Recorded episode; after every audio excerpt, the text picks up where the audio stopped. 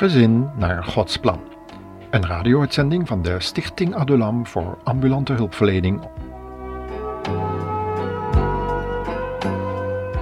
Het thema voor deze uitzending heet Een dubbele moraal en valt binnen de thema-uitzendingen over huwelijk en gezin en over geslachtsgemeenschap voor het huwelijk. Een vervolg op de voorgaande programma's die speciaal gericht zijn voor jonge mensen om hen te bewaren voor de strik van de vijand.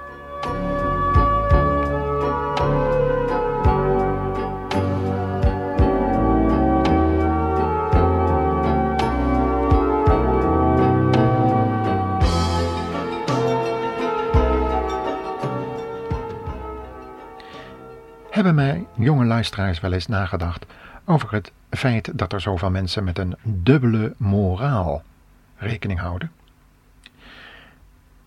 Wie trekt er nu in feite aan de touwtjes in de wereld en de politiek? Wanneer we de krant geregeld lezen, dan kunnen we opmerken dat we eigenlijk het boek Openbaringen ernaast moeten hebben. Laten we daarom de Bijbel er ook eens op openslaan. Wat er zo om ons heen gebeurt en met name wat er gebeurt op het gebied van de dubbele moraal. Het thema nummer van dit programma. Het is Openbaringen 18. Luister maar eens. Daar zegt de apostel Johannes het volgende. Ik zag een andere engel uit de hemel naar beneden komen. Hij had grote macht en de aarde werd door zijn glans verlicht.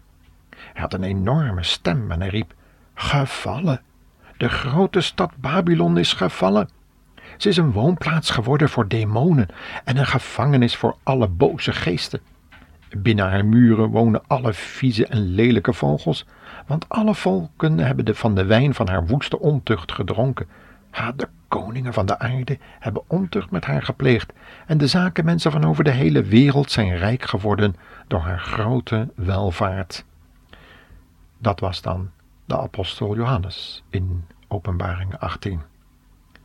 De industrie voor alcoholische dranken, de farmaceutische en de verdovende middelen en alle luxe koopwaar hebben er altijd een belangrijke en dominante rol gespeeld in het grote en invloedrijke handelsgebeuren van de wereldbeheersers en de geldmakers van deze eeuw. De Bijbel laat zien dat zich echter achter heel dit gebeuren een geldgod schuilgaat. De Mammon wordt hij genoemd. Het bekende en tot de verbeelding sprekende oude Babylon, wat tegenwoordig weer op de fundamenten van het oude Babylon gaat verrijzen, dat heeft zakenmensen altijd geïnspireerd. En u kunt het ook zien in Den Haag, de regeringsstad van Nederland. Daar verrijst een groot handelscentrum waar je met grote letters op geschreven kan zien Babylon. Torenhoog reizen deze letters boven de grote stad uit als je daar binnen komt rijden met de trein zodat de reiziger die die oude residentiestad nadert, vooral niet zal vergeten hoe invloedrijk het geld en de handelswaar van dit schijnbaar onsterfelijke Babylon wel is. Maar de Bijbel laat nog een ander beeld van deze stad zien. Luister maar mee naar Gods waarschuwende woorden. Toen hoorde ik een andere stem uit de hemel zeggen: Ga uit die stad weg, mijn volk, anders wordt u medeplichtig aan haar zonde en zullen u dezelfde rampen treffen als haar. God is haar misdaden niet vergeten. Haar zonden hebben zich namelijk hemelhoog opgestapeld en daar zullen we u iets van laten horen.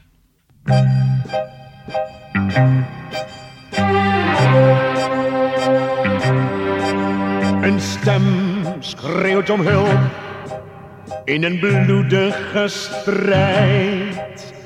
Sodom en Gomorra. De dans om het goud, voorbij raast de tijd. Sodom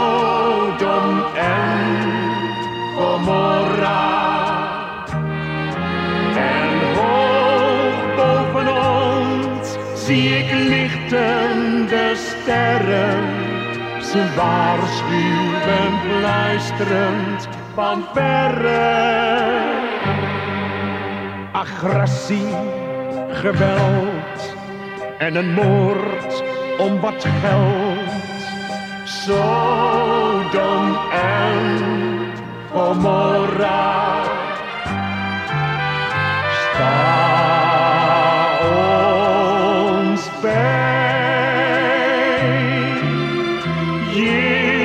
Jezus van Nazareth.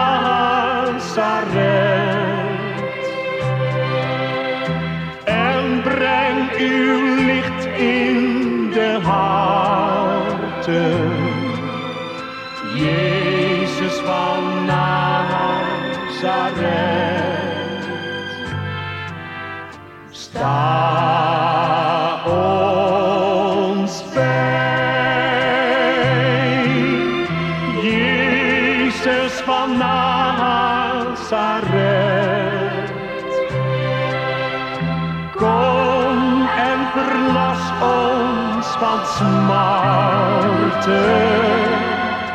Jezus van Nazareth. Ja, die stem klinkt heel ernstig, ook tot ons, mensen van de 20ste eeuw. Er is maar één redding mogelijk, en door deze Heere Jezus Christus, die Messias, die komen zal en die gekomen is. Je hoort zo hier en daar nog wel eens zeggen: geld stinkt niet.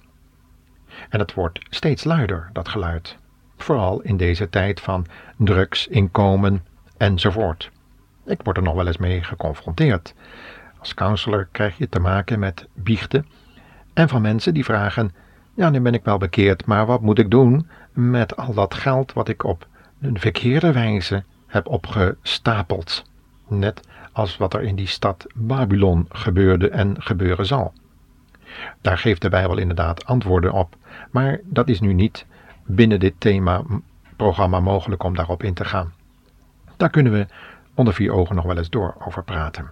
Eens hoorde ik een christenzakenman beweren dat hij een manier had gevonden om snel rijk te worden. En nog legaal ook, zoals hij zei.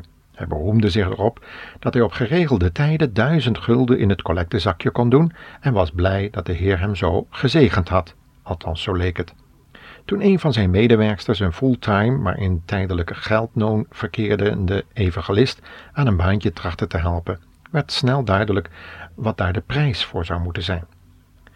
Hij zou een andere invulling moeten geven aan zijn avonden, die de evangelist gewoonlijk vulde met het geven van bijbelstudies aan naar God zoekende mensen. Hij zou in het vervolg om geld beluste mensen moeten motiveren en mocht dan ook nog zo af en toe eens een geestelijk woordje spreken tijdens zijn toespraken. De jonge broeder weigerde echter beslist, waarop de Heer Jezus hem spoedig op andere wijze uit de nood hielp, zoals Paulus schreef in Filippenzen 4, vers 19. Mijn God zal uit zijn rijkdom in Christus u alles geven wat u nodig hebt. Hij vertrouwde erop, legde zijn hand op deze belofte en God voorzag in zijn nood. Geld misleidt dikwijls de beste christenen, vooral degenen die te maken hebben met ontmoedigende ervaringen op het zendingsveld en daar moeizaam ploeteren en pionieren, eenzaam worstelen tegen demonische invloeden die hen geestelijk en lichamelijk dreigen uit te putten. De zendeling Paulus hoort echter in zulke omstandigheden deze bemoedigende woorden tot zich spreken door God. Dat ik altijd bij je ben, is genoeg. Wanneer je zelf zwak bent, kan mijn kracht zich ten volle in jou ontplooien.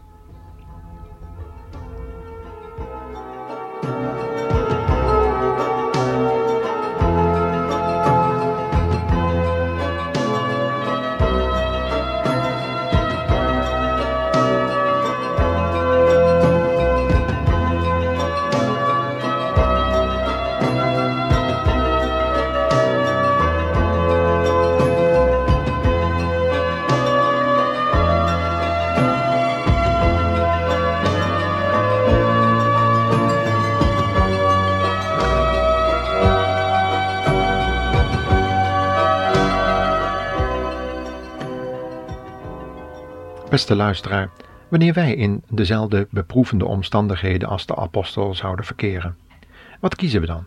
De bijstand van de Heer Jezus of het geld van de God Mammon?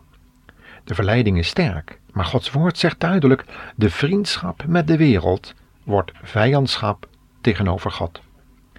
De meeste mensen beseffen niet hoeveel zielen en lichamen van mensen reeds ten prooi zijn gevallen aan deze afgod. Laten we Gods woord nog maar eens openslaan bij datzelfde hoofdstuk Openbaringen 18. Daar staat: Over de hele wereld zullen de zaken mensen jammeren, omdat er niemand meer is die hun waren verkoopt. Babylon was immers de grootste klant van goud en zilver, edelstenen en parels, fijn linnen en purper, specerijen, wijn, olie, geurige parfums, zalven en wierook, wagens en paarden en zelfs de lichamen en zielen van mensen. Lichamen en zielen van mensen. Hoort u het goed, luisteraar? Die hele geldstroom gaat ten koste van lichamen en zielen van mensen. Je ziet ze overal liggen, in de goot van de dolgedraaide maatschappij, op de hoeken van de straten in de grote steden, laveloos, stomdronken, vergooide lichamen en beschadigde zielen, op weg naar de eeuwige rampzaligheid.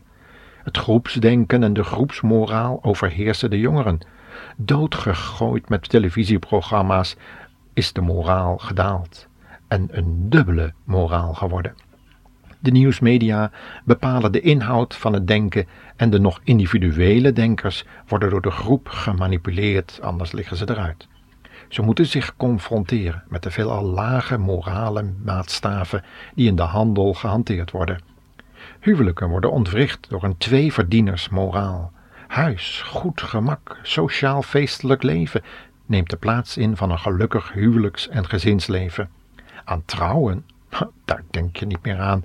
Dat is ouderwets, achterhaald van een na-christelijk tijdvak. Kinderen krijgen, dat doe je op bestelling, om ze daarna, als ze de genoegens en keuzes van ik-gerichte mensen in de weg gaan staan, in bewaarplaatsen op te brengen.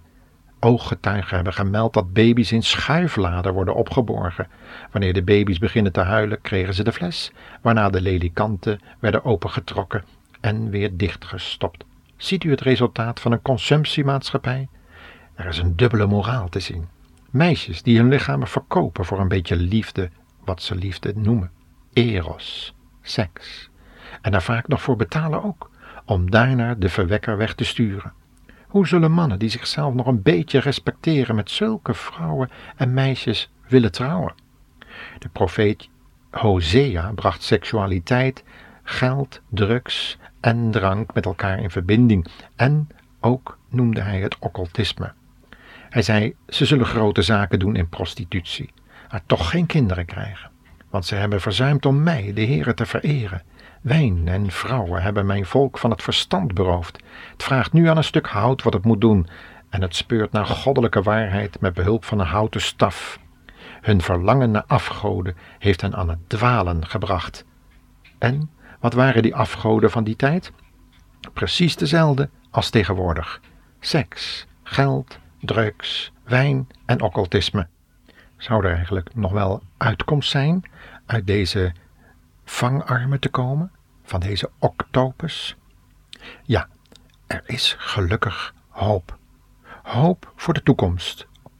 Als er mensen zijn die zich gebonden voelen door geld, seks, drank, drugs, dan zegt de Heer Jezus: Kom tot mij, allen die vermoeid en belast zijt, en ik zal u rust geven.